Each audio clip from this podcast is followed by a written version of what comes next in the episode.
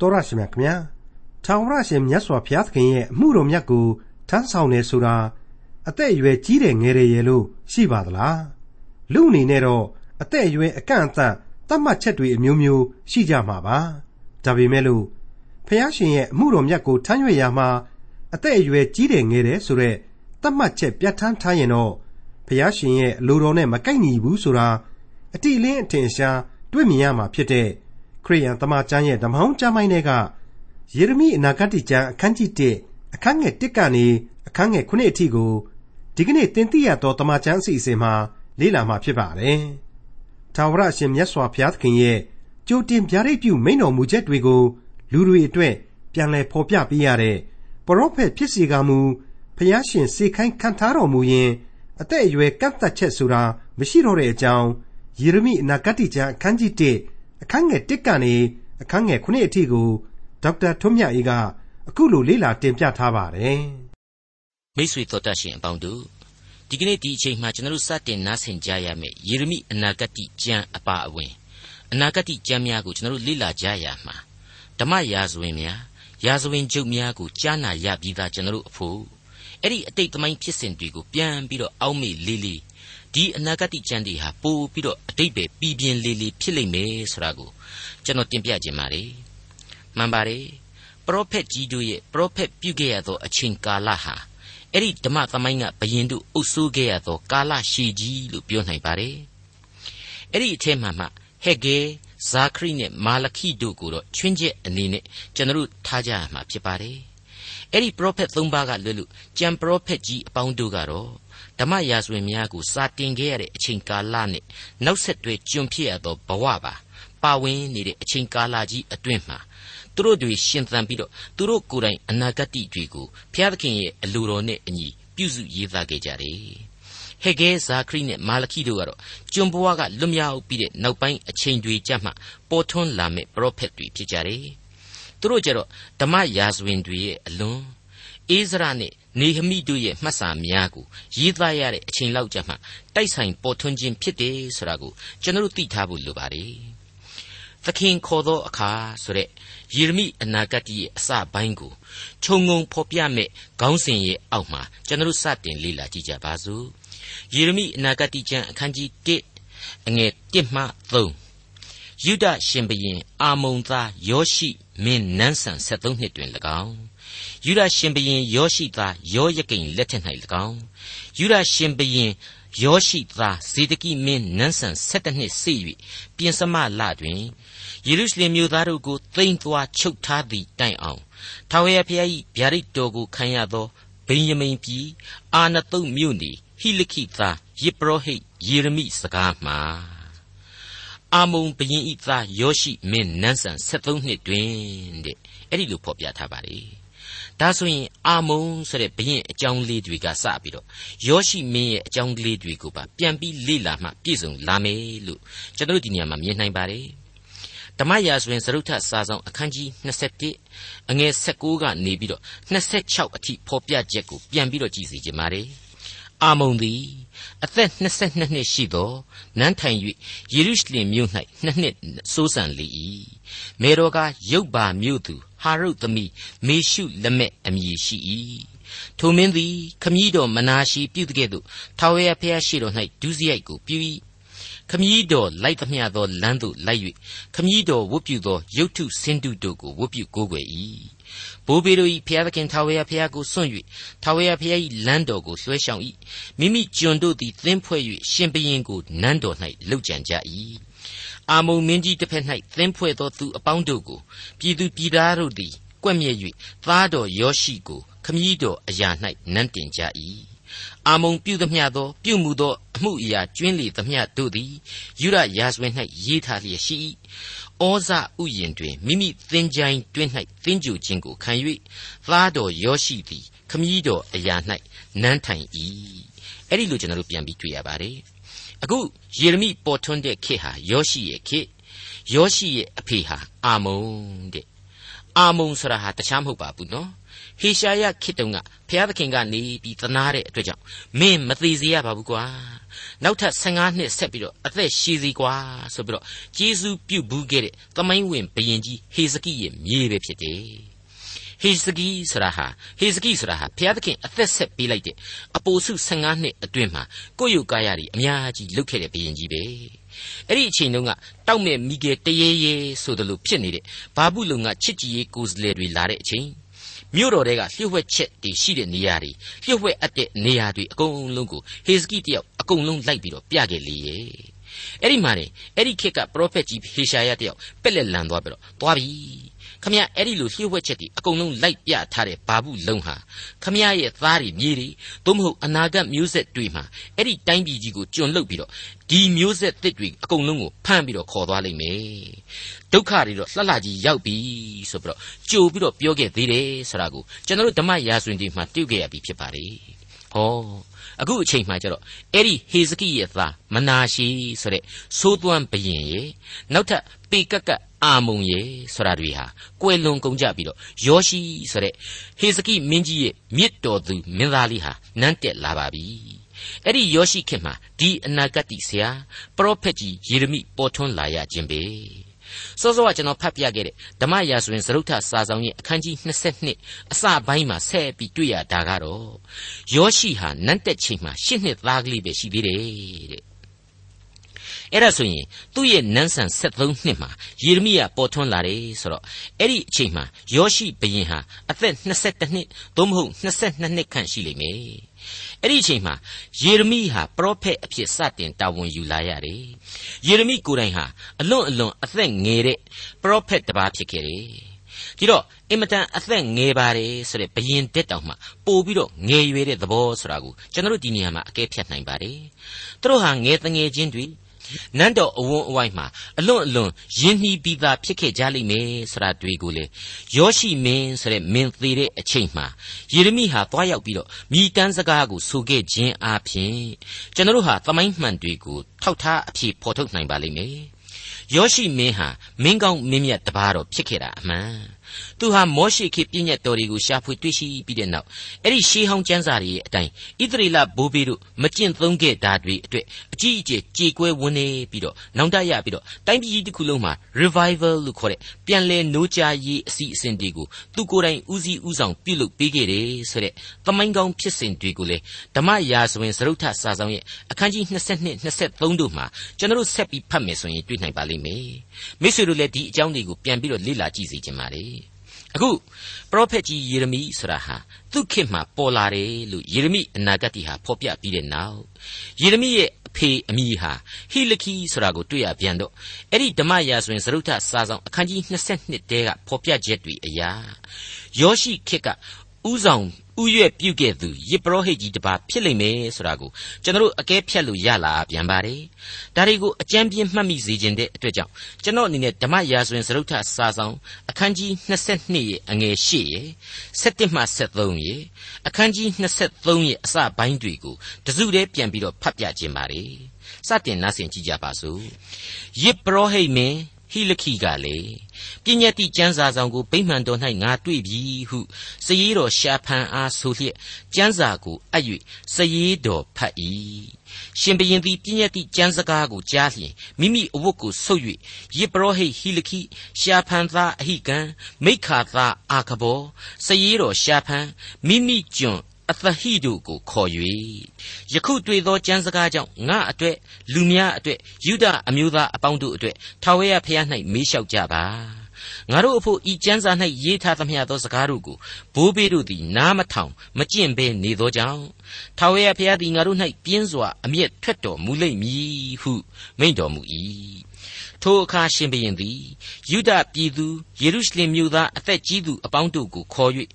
ယုဒပြည်သူယေရုရှလင်မြို့သားယေပရောဟိတ် ပရောဖက်လူအကြီးအငယ်အပေါင်းတို့နှင့်တကွဗိမာန်တော်သို့တက်၍ဗိမာန်တော်၌တွေ့သောပရိညင်ကျမ်းစာရှိသမျှကိုသူတို့ရှေ့မှဖတ်တော်မူ၏ရှင်ဘုရင်ကလည်းထာဝရဘုရားကိုစီကပ်ပါမည်စီရင်ထုံးဖွဲ့ချက်ပြည့်ညတ်တရားတို့ကိုစိတ်နှလုံးအကျွင့်မဲ့စောင့်ရှောက်ပါမည်ဤကျမ်းစာ၌ပါသောပရိညင်စကားအတိုင်းကျင့်ပါမည်ဟုတိုင်နာမှရက်၍အဋိဋ္ဌံပြု၏လူအပေါင်းတို့သည်လေထိုအဋိဋ္ဌံကိုဝန်ခံကြ၏တဲ့ မိတ်ဆွေအပေါင်းတို့ပရောဖက်ယေရမိဟာလေဟေရှာယလိုပဲမင်းဆက်တွေများစွာကိုမှီသောပရောဖက်ကြီးတစ်ပါးဖြစ်ခဲ့တယ်။ဒါပေမဲ့အခုအပိုင်းမှာယောရှိမင်းနန်းဆန်73နှစ်တွင်၎င်းယောရှိသားယောယကိန်လက်ထက်၌၎င်းယူဒရှင်ဘုရင်ယောရှိသားဇေဒကိမင်းနန်းဆန်17နှစ်စေ့၍ပြင်စမလတွင်ယေရုရှလင်မြို့သားတို့ကိုဖမ်းသွားချုပ်ထားသည့်တိုင်အောင်ဆိုပြီးတော့မင်းသုံးပါးကိုပဲဖော်ပြထားတဲ့အတွက်ကြောင့် ယစ်ပရောဟိတ်ကြီးအနေနဲ့သက်တော်ရှည်ယစ်ပရောဟိတ်ကြီးဆိုတာသိပြီးတော့မပေါ်လွင်သလိုလိုဖြစ်နေပါလေ။တနည်းအားဖြင့်မင်းသုံးပါးကိုပဲမှီတဲ့သဘောပေါ့။အမှန်တော့ယောခတ်ဆိုတဲ့ဘယင်ရေယေခေါနီဆိုတဲ့ဘယင်ရေမင်းနှစ်ပါးတို့လည်းရှိခဲ့ပါသေးတယ်။အဲ့ဒီဘယင်နှစ်ပါးစလုံးဟာသုံးလလောက်ပဲနန်းဆန်ရတဲ့ဘယင်တွေမှုလို့တမင်မထဲ့တာပဲဖြစ်ပါလေ။ယေရမိနာဂတိမှာအမိတွေကိုမဖော်လို့များအရေးမကြီးဘူးလို့တော့ကျွန်တော်တို့မထင်ကြစေချင်ပါဘူးနော်။ ရာဇဝင်ကျုပ်ဒုတိယစာဆောင်အခန်းကြီး36အငယ်1ကနေ30ကိုသာဖတ်ကြည့်ကြပြီးတော့သိပ်ပြီးတော့အရေးကြီးနေတဲ့အချက်တွေကိုတွေ့ရပါတယ်မိษွေတို့ဒီအပိုင်းလေးကိုပြန်ပြီးတော့နားဆင်ကြည့်စီကြပါလေပြည်သူပြည်သားတို့သည်ယောရှိသားယောခတ်ကိုယူ၍ယေရုရှလင်မြို့မှခမည်းတော်အရာ၌နန်းတင်ကြ၏ယောခတ်သည်အသက်23နှစ်ရှိသောနန်းထိုင်၍ယေရုရှလင်မြို့၌3လစိုးစံလေ၏ ထိုမင်းကိုအေဂုတ်ထုရှင်ဘရင်သည်ယေရုရှလင်မြို့မှနန်းချ၍ယူဒပြည်၌ငွေအခွက်တစ်ထောင်နှင့်ရွှေအခွက်တစ်ဆယ်ကိုအခွန်တောင်းလေ၏အေဂုတ်ထုရှင်ဘရင်နေခေါ်သည်လေယောခတ်၏နောင်တော်အေလိယကိန်ကိုယူဒပြည်ယေရုရှလင်မြို့နန်းတော်ဘောမှတင်၍ယောယကိန်အမိသစ်ကိုပေးပြီးလျှင်ညီတော်ယောခတ်ကိုအေဂုတ်ထုပြည်သို့ယူသွား၏ ယောယကိန်သည်အသက်25နှစ်ရှိသောနန်းထိုင်၍ယေရုရှလင်မြို့၌12နှစ်စိုးစံလေ၏ထိုမင်းသည်မိမိဘုရားသခင်ထာဝရဘုရားရှိတော်၌ဒုစရိုက်ကိုပြု၏ထို့ကြောင့်ဘာဘူးလုံရှင်ဘရင်နေပုတ်ခတ်နေစာသည်ခြီလာ၍ဘာဘူးလုံမြို့သို့ယူသွားခြင်းဟာတန်ကြိုးဖြင့်ခြီနှောင်လေ၏ဗိမာန်တော်တစားအချို့တို့ကိုလည်းယူသွား၍ဘာဘူးလုံမြို့ဗိမာန်၌ထားလေ၏ ယောယကိန်ပြုမှုသောအမှုအရာကျွင်းလေသမျှတို့နှင့် ပြုမိသောယွန်ရှာပွဲအမှုထင်ရှားသောစိတ်တော်သည်ဣသရေလရာဇဝင်နှင့်ယူဒရာဇဝင်၌ရေးထားလျက်ရှိ၏သားတော်ယေခေါနိသည်ခမည်းတော်အရာ၌နန်းထိုင်၏ ယေခေါနိသည်အသက်18နှစ်ရှိသောနန်းထိုင်၍ယေရုရှလင်မြို့၌3လနှင့်10ရက်စိုးစံလေ၏ထိုမင်းသည်ထာဝရဘုရားရှိတော်၌ဒုစရိုက်ကိုပြု၏နှစ်လေသောအခါနေပုတ်ခတ်နေဇာမင်းကြီးသည်စစ်ချီစေ၍ထိုမင်းနှင့်တကွကောင်းမွန်သောဗိမှန်တော်တစားတို့ကိုဘာဘူးလုံမြို့သို့ယူသွား၍ဘာတွေးတော်ဇေတကိကိုယူဒပြည်ယေရုရှလင်မြို့နန်းတော်ပေါ်မှတင်လေ၏တဲ့အဲ့လိုတွေ့ရပါလေကဲ ဘယင်နာမည်တွေကအရေးမကြီးဘူးပဲထားပါတော့ယေရမိအနာဂတ်ကိုလေ့လာရမှာသိစေဖို့ရန်အတွက်သိအရေးကြီးတဲ့သမိုင်းကြောင်းဖြစ်စဉ်တွေကိုတော့ကျွန်တော်ရှင်းလင်းပြသစွာနားလည်ရပြီ။ဘာဖြစ်စဉ်တွေလဲဆိုတော့ဣသရေလနိုင်ငံတော်ရဲ့တောင်ဘက်ချမ်းယူဒနိုင်ငံတော်ရဲ့ရှက်ခမန်းလိလိဖုံးနေနေမှုဖြစ်စဉ်တွေပဲ။ပြည်သူတွေရဲ့ယောခတ်ကိုနန်းတင်နေသုံးလလဲကြာရောအီဂျစ်ကလာပြီးတော့မလို့ခြင်းဘူးအေလိယာကိန်ဆိုတဲ့အကိုကိုပဲဘယင်လို့ဆိုပြီးတော့ယောခတ်ကိုတော့ဖမ်းခေါ်သွားတယ် အဲ့ဒါနဲ့တင်အားမရသေးဘူးနော်ငွေအခွက်တစ်ထောင်နဲ့ရွှေအခွက်30ပေးဆိုလို့လည်းပေးလိုက်ရသေးတယ်ပြီးတော့အေလိယကိန်ကိုလည်းမင်းနာမည်ကြီးကိုငါတို့မကြိုက်ဘူးယောယကိန်ဆိုပြီးတော့ပြောင်းစီဆိုလို့ဘယင်ကြီးတစ်ပါးလုံးလုံးလုံးနေပြီးတော့သူတို့နာမည်ပြောင်းတဲ့အတိုင်းပြောင်းပြလိုက်ရတယ်တဲ့ရှက်ခမန်းလိလိတွေကြီးပဲဖြစ်နေပြီမဟုတ်ဘူးလားအဲ့ဒီလိုပါပဲယောယကိန်ခမရမှာ17နှစ်လောက်စိုးသွမ်းပေတီပြီးတော့တိုင်းပြည်အုပ်ချုပ်လို့ကောင်းနေတော့မှကျိုးနဲ့တုပ်ပြီးတော့ဖမ်းခေါ်သွားတာကိုခံရပြန်တယ် 16နှစ်သားကလေးရေခေါနီဆိုတာကိုနန်းတင်နေအဲ့ဒီ16နှစ်သားကလည်းမဆိုးဘူးအရွယ်နဲ့မလိုက်အောင်ဆိုးပေးပြီးတော့3လနဲ့10ရက်ပဲနန်းတော်ပေါ်မှာခံနေတဲ့အဲ့တော့ရက်တရာအကြာမှတခါဘာဘူးလုံတွေကဝင်ပြီးတော့ဖြုတ်ချတဲ့သဘောပဲပြီးတော့မှတခါအဲ့ဒီဘာဘူးလုံတွေကပဲသူ့ရဲ့ဦးကြီးတော်တဲ့ဇေတကိဆိုတဲ့လူကိုနန်းတင်သွားပြန်တယ်တဲ့အကုန်လုံးဟာရှက်ခမန်းလိလိတွေဖြစ်နေပြီတိုင်းပြည်မှာဂုံသိက္ခာရဲ့လို့မရှိတဲ့လောက်ဖြစ်နေပြီဆိုတာဟာတွေ့ရပြီမဟုတ်ဘူးလား မိတ်ဆွေအပေါင်းတို့ခမညာအဲ့ဒီလောက်အထိဖြစ်ချင်တိုင်းဖြစ်နေတဲ့သမိုင်းကိုအသေးစိတ်ကျွန်တော်တို့ဖော်ပြရတာဟာအကြောင်းရှိပါလေယေရမိလက်ထက်မှာတော့ဣသရေလဟာသွားပြီအဖတ်ဆယ်လို့မရတော့ဘူးဆိုတာကိုသိစီခြင်းလို့ပါပဲ မင်းကလည်းကွာလူဆိုးလေးရေခေါနိလူဆိုးမို့လို့နေဘုခတ်နေစာကဖြုတ်ပစ်တယ်သူ့ဘာတွေးတော့လူကြီးလူကောင်းဇေဒကိကိုခန့်သွားတယ်ဒါဆန်းလားကွာအဲ့ဒီဘာကြီးတော်ရဲ့ခင်မှာဇေဒကိရဲ့ခင်မှာအခြေအနေတွေကောင်းပြီးသွားမှာပေါ့ဆိုပြီးမြာမေးလာကြလေမလားလို့ကျွန်တော်ဒီနေရာမှာတွေးမိပါတယ်ရာဇဝင်ကျုပ်ရဲ့ဏိဂုံးပိုင်းကလေးကိုသာဖတ်ပြီးတော့ကြည့်ကြပြီတော့ရာဇဝင်ကျုပ်ဒုတိယစာဆောင်အခန်းကြီး36အငယ်7နဲ့7 ဇေဒကိသည်အသက်22နှစ်ရှိသောနန်းထိုင်၍ယေရုရှလင်မြို့၌12နှစ်စိုးစံလေ၏ထိုမင်းသည်လေမိမိဖျားသခင်ထာဝရဘုရားရှိတော်၌ဒုစရိုက်ကိုပြု၏ထာဝရဘုရား၏အမိန့်တော်ကိုဆင့်ဆိုသောပရောဖက်ယေရမိရှေ့မှကိုကိုမနှိမ်ချတဲ့ကဲကောင်းရောလို့မဆိုနိုင်ဘူးလားအဲ့ဒီမှာရင်ဘာတွေဆက်ဖြစ်တယ်ဆိုတာကိုကျွန်တော်ဆက်ပြီးတော့ဖတ်ပြပါရစေဦး ဖျားသခင်အကျိန်တိုက်ပြီးတော့နေပုခတ်နေဇာမင်းကြီးကိုပုန်ကန်လေ၏ဣသရေလအမျိုးကြီးဖျားသခင်ထာဝရဘုရားထံတော်သို့မပြန့်မီအကြောင်းမိမိလေပင်ကို၎င်းမိမိနှလုံးကို၎င်းခိုင်မာစေ၏ထိုမှတပါယေပရောဟိတ်အကြီးများနှင့်ပြည်သူပြည်သားရှိသမျှတို့သည်တပါးမျိုးသားယွန်ရှာပွဲဖြစ်သည့်အတိုင်းအလွန်ပြစ်မှားကြ၏ယေရုရှလင်မြို့၌ထာဝရဘုရားတန်ရှင်းစေတော်မူသောဗိမှန်တော်ကိုညှဉ်းညူးစေကြ၏ကဲကောင်းရောလို့မဆိုနိုင်ဘူးလား အဲ့ဒါနဲ့ပဲဏိဂုံးကျုပ်ဖြစ်စဉ်တွေကိုတော့ပြောမပြောခြင်းဘူးလို့ပဲကျွန်တော်တင်ပြခြင်းပါတယ်ဆက်ပြီးတော့ဏိဂုံးပိုင်းကလေးကိုပဲကြည့်ကြပါစို့ရာဇဝင်ကျုပ်ဒုတိယစာဆောင်အခန်းကြီး36အငယ်16မှဏိဂုံးအထိခါလဒဲရှင်ဘရင်ကိုစစ်ချီစေတော်မူ၏ထိုရှင်ဘရင်သည်တန်ရှင်းရာဌာနအိမ်တော်၌လူပြိုတို့ကိုဓာနှင့်သတ်၏ယောက်ျားပြိုမိန်းမပြိုလူအိုအသက်ကြီး၍ကြောကုန်းသောသူတို့ကိုပင်မသနာရှိသမျှတို့ကိုထိုရှင်ဘရင်လက်သို့အပ်တော်မူ၏ ဗိမာန်တော်တစားအကြီးအငယ်ရှိသမျှတို့ကို၎င်းဗိမာန်တော်ဗန္တာနန်းတော်ဗန္တာမူးမတ်ဗန္တာရှိသမျှတို့ကို၎င်းဘာဘူးလုံမြို့သို့ယူသွား၏ဗိမာန်တော်ကိုလည်းမိရှု၍ယေရုရှလင်မြို့ရိုးကိုဖြိုဖျက်ကြ၏မင်းအိမ်ရှိသမျှတို့ကိုလည်းမိရှု၍မြို့တစားအကောင်းအမြတ်ရှိသမျှတို့ကိုဖျက်ဆီးကြ၏ဒါဗိနှင့်လွတ်သောသူတို့ကိုဘာဘူးလုံမြို့သို့သိမ်းသွား၍သူတို့သည်ပေရသိနိုင်ငံမတိုင်မီတိုင်အောင် ပေရသိနိုင်ငံမတိမီတိုင်အောင် ရှင်ဘရင်ထံသားတော်မြေးတော်ထံ၌ကျွန်ခံလျက်နေရကြ၏ထို့သောဣသရေလမြေသည်ဥပုပ်နေတို့ကိုမွေ့လျော်စေခြင်းဟာယေရမိဆင့်ဆိုသောထာဝရဘုရား၏အမိန့်တော်သည်ပြည့်စုံရ၏ထိုပြည်သည်လူစိတ်ညံလျက်နေသောကာလအနှစ်80စိတ်အောင်ဥပုပ်နေတို့ကိုစောင့်သောအခွင့်ရှိသည်တဲ့ မိတ်ဆွေအပေါင်းတို့ဟေရှာယရဲ့လွန်ခဲ့တဲ့နှစ်ပေါင်း100လောက်ကတည်းကကြောင်တောင်တောင်ဘယင်မင်းမြတ်ဇေဒကိကိုဟေဇကိကိုပြောခဲ့တဲ့ဗျာဒိတ်တွေ့ဟာနောက်ထပ်နှစ်100ကျော်အကြာဇေဒကိဆိုတဲ့ရောင်တောင်ပေါင်တောင်ဘယင်ရဲ့ခင်မှာအကျွင့်မဲ့ပြီးပြည့်စုံစွာမှန်သွားခဲ့ပြီဆိုတာဟာရှင်းမနေပြီဘူးလားဟေဇကိဇေဒကိကိနှစ်ကိရဲ့ခေတ်အတွင်းမှာလုံပါပါပြီးလာလိုက်တာနောက်ဆုံးကျတော့တလုံးလုံးမရှိတော့ဘူးဓမ္မရာဇဝင်စရုထစာဆောင်မှာရှင်းရှင်းကြီးဒီအကြောင်းကိုတွေ့ကြရပြီးပါပြီ ဓမ္မရာဇဝင်စရုထစာဆောင်အခန်းကြီး20အငယ်16မှ18ကိုကြည်ပါထိုအခါဟေရှာယက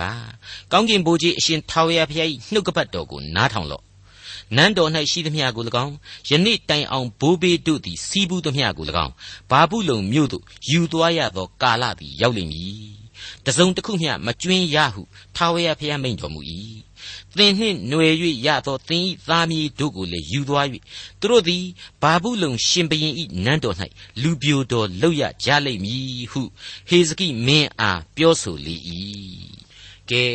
လွန်ခဲ့တဲ့နှစ်ပေါင်းများစွာကတည်းကဟေရှာယရဲ့အနာဂတ်တွေဟာစင်းနေအောင်မှန်သွားပြီမဟုတ်ဘူးလား အဲ့ဒီလိုမချိမဆန့်ဒုက္ခတွေဆက်ရောက်နေတဲ့အချိန်မှာဣသရေလမြေမှာပေါ်ထွန်းခဲ့ရတဲ့ယေရမိအနာဂတ်ကြံကြီးဟာဒီကြံကြီးဖြစ်တယ်ဆိုတာကိုကျွန်တော်တို့အခုအပိုင်းမှာသိနာလေထားရပြီဆိုရင်ဘလောက်အထိကြံတဲ့အပိုင်းအခြားတွေဟာစိတ်ဝင်စားစရာကောင်းနေမယ်ဆိုတာကိုကျွန်တော်အနေနဲ့အထူးပြောဖို့လိုတော့မယ်မထင်ပါဘူးယေရမိအနာဂတ်ကြံအခန်းကြီး1အငယ်၄မှ9ကိုဆက်လက်နားဆင်ကြကြပါ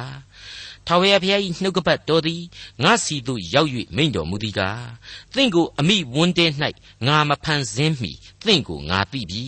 မဖွားမီကပင်သင်ကိုငါသန့်ရှင်းစေ၍လူအမျိုးမျိုးတို့အဖို့ပရောဖက်အရာ၌ခန့်ထားပြီဟုမိန့်တော်မူ၏မိတ်ဆွေအပေါင်းတို့မိတ်ဆွေတို့ကျွန်တော်စီကိုလေဘုရားသခင်ရဲ့နှုတ်ကပတ်တော်ဟာအခုလိုပဲရောက်ရှိနေပါတယ်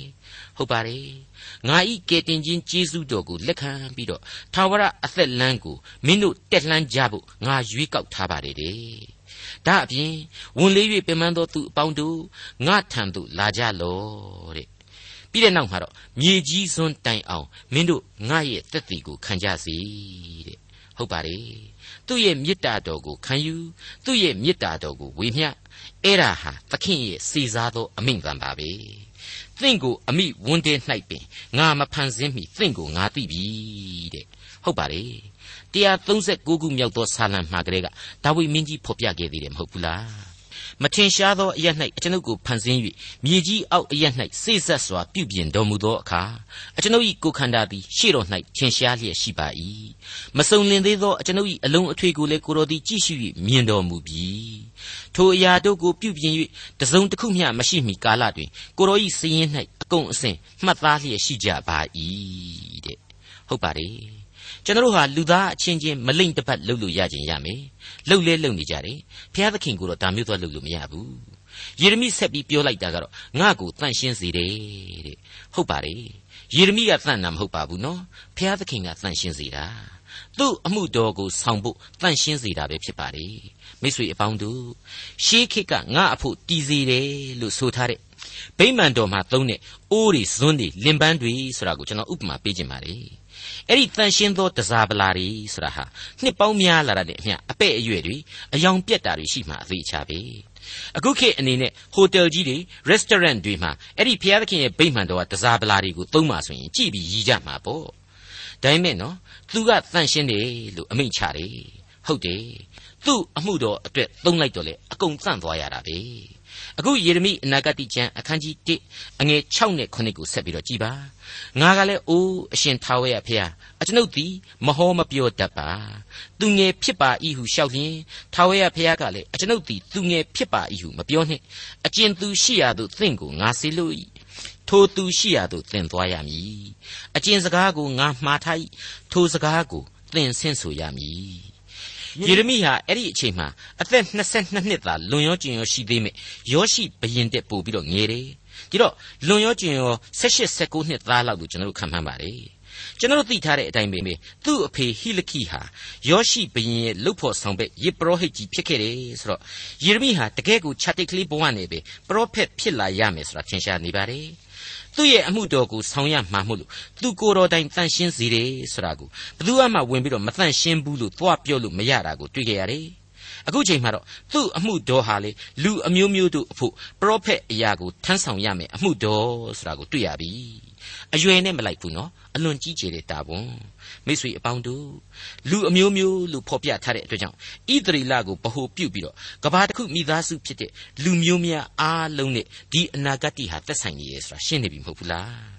အခုဆိုရင်ယေရမိဟာဒီအမှုတော်ကိုဆောင်ဖို့အတွက်လန့်သွားတယ်သူဟာလူငယ်လေးတယောက်အနေနဲ့ဒီအမှုတော်ကြီးကိုဆောင်လို့ဖြစ်မှဖြစ်ပါမလားဆိုပြီးတော့တွေးလန့်သွားတယ် အဲ့ဒါနဲ့ပဲဇောရကတက်မိတယ်ကျွန်တော်လိုလူငယ်လေးဟာလုံနိုင်ပါမလားတဲ့ဒီကိစ္စနဲ့ဖြစ်ပါမလားတဲ့ဘုရားသခင်ကပြန်ပြောတယ်မင်းဘာဆိုဘာမှပြန်မပြောနဲ့အကျဉ်သူရှိရသို့ငါစေလွတ်တယ်ဆိုရင်သွားငါပြောခိုင်းတဲ့စကားကိုပြောတဲ့ကဲယေရမိဘာတတ်နိုင်သေးတုံးဘုရားသခင်ရဲ့စီရင်တော်မူခြင်းဆိုတာကိုရောကျွန်တော်ဟာလူအတွေ့အခေါ်လူအယူအဆနဲ့ဖြစ်နိုင်တာမဖြစ်နိုင်တာတွေကိုဆုံးဖြတ်လို့ဖြစ်နိုင်ပါမလားဆိုတာကိုကျွန်တော်ဒီနေရာမှာတွေးတောစရာလိုပါတယ် ကျွန်တော်တွေးမိတာတခုရှိပါတယ်ကျွန်တော်ယုံကြည်သူတွေဟာဘုရားသခင်ကကိုယ့်ကိုလှုပ်စေခြင်းတဲ့အလုပ်တဲ့ကိုလှုပ်ခြင်းတဲ့အလုပ်တွေပေါ်မှာသာသိပြီးအာယုံစိုက်နေကြလေသလားဆိုတဲ့လူမနောဖြစ်ပါတယ်အဲ့ဒီလိုကိုယ်စိတ်ဆန္ဒနဲ့အာသန်နေတဲ့အရာတွေကိုပဲတဲတဲမဲမဲလုပ်တယ်ဘုရားသခင်အလိုတော်မရှိဘူးဆိုရင်ဒီအလုပ်ဟာဘယ်နည်းနဲ့မှမအောင်မြင်နိုင်ဘူး မအောင်မြင်တော့စိတ်တက်တည်ကြတယ်ကိုယ့်ရဲ့သားတဲ့လူတွေကိုမနာလိုဝန်တူဖြစ်တယ်ဆိုတာဒီဟာတန်တရားလေကုန်နေဒါကြောင့်မလို့မိမိအသက်တာနဲ့မိမိလုပ်ငန်းဆိုတာကိုဘုရားသခင်ကသာဆုံးဖြတ်ပါစေလို့သင်ခန်းစာယူကြပါစို့အခုချိန်မှဆိုရင်ယေရမိကိုဘုရားသခင်စေခိုင်းတဲ့နေရာမှာအလွန်ပြတ်သားပြည်ပြင်းတာကိုတွေ့ရပါတယ်သူလိုအသေးခပ်ပြော့ပြော့ညီညီညူညူနဲ့လူငယ်လေးတယောက်ကိုမှဘုရားသခင်ဟာစတင်အသုံးပြုနေပါပြီ ဒီလောက်အထိကြီးမားလာတဲ့အမှောင်ရိပ်ကြီးထိုးနေတဲ့အချိန်ကာလဣသရေလရဲ့အဖတ်ဆယ်လို့မရနိုင်လောက်တဲ့အခြေအနေဆိုးကြီးတဲ့မှာဒီလူငယ်လေးယေရမိဟာဘလောက်အထိစွန်းစွန်းတမန်အမှုတော်ကိုဆောင်ရွက်သွားမယ်ဘလောက်အထိမိษွေတို့ကျွန်တော်အပအဝင်လူအဖွဲ့အစည်းကြီးတစ်ခုလုံးအတွက်မှန်ကန်သောတစ္ဆာတရားတွေကိုဖော်ပြသွားလိမ့်မယ်ဆိုတာကိုကျွန်တော်အမခန့်တွေ့ကြရမှာဖြစ်ကြောင်းကျွန်တော်အနေနဲ့ကြိုတင်ဖော်ပြလိုက်ပါတယ် မိတ်ဆွေအပေါင်းတို့ဟေရှာယအနာဂတ်ကျမ်းရဲ့အစမှာကလေးကဣသရေလကိုတရက်ခွင်မှာခေါ်ပြီးတော့စီရင်မယ်ဆိုတာကိုအိုမြေကြီးနားထောင်လော့အိုကောင်းကင်နားဆင်လို့ဆိုပြီးတော့ဘုရားသခင်ဟာဖိတ်ကြားခဲ့တဲ့အတိုင်းအခုယေရမိအနာဂတ်ကျမ်းအားဖြင့်လေကျွန်တော်တို့ကိုဖိတ်ကြားလျက်ရှိနေပါတ ယ်မိษွေအပေါင်းတို့ယေရမိအနာဂတ်ဟာလူအမျိုးမျိုးတို့အတွက်ဖြစ်ပါတယ်ဆိုတာကိုယေရမိဖော်ပြထားပါတယ်ဒီအမှုတော်ကိုယေရမိလှုပ်ချင်သည်ဖြစ်စေမလှုပ်ချင်သည်ဖြစ်စေဘုရားသခင်စေခိုင်းနေပြီ သူဟာတန်ရှင်းသည်ဖြစ်စေညစ်သေးသည်ဖြစ်စေအသေးကွဲနေသူဖြစ်စေအသေးမာသူဖြစ်စေဘုရားသခင်ရဲ့အမှုတော်ကိုဆောင်ဖို့ရန်အတွက်သူ့ရဲ့အမေကြီးအိုလိုအသံကလေးညီးညီးညူးကိုပဲဘုရားသခင်ဟာအသုံးပြုသွားပါတော့မယ်ဘုရားသခင်အမှုတော်ကိုဘုရားသခင်အားဖြင့်တန်ရှင်းခြင်းရှိသူအပေါင်းတို့ဟာမဖြစ်မနေထမ်းရွက်ပေးကြရမှာကြီးပဲဖြစ်ပါလေ မိတ်ဆွေအပေါင်းတို့သခင်ခေါ်သောအခါဆိုတဲ့ခေါင်းစဉ်နဲ့ဒီကနေ့သင်ခန်းစာများကိုကျွန်တော်တို့လေ့လာခဲ့ကြပါတယ်ဟုတ်ပါတယ်သခင်ခေါ်သောအခါမှာခစ်ကိုလည်းမကြောက်နိုင်ဒုက္ခဆင်းရဲခြင်းကိုလည်းကြောမခိုင်နိုင်မျက်ရည်ကျလျက်ပင်လျင်ယေရမိတယောက်အမှုတော်ကိုစတင်ထမ်းဆောင်သွားမှာဖြစ်တဲ့အကြောင်းအစီရင်ခံလိုက်ပါရစေဒေါက်တာထွန်းမြတ်ရေးစီစဉ်တင်ဆက်တဲ့တင်ပြရတော်တမချန်းအစီအစဉ်ဖြစ်ပါတယ်နောက်တစ်ချိန်အစီအစဉ်မှာခရိယန်တမချန်းရဲ့ ဓမ္မဟောင်းကျမ်းပိုင်းတွေကယေရမိအနာဂတ်ကျမ်းအခန်းကြီး1အခန်းငယ်8ကနေအခန်းငယ်19အထိကိုလေ့လာမှဖြစ်တဲ့အတွက်စောင့်မျှော်နားဆင်နိုင်ပါတယ်။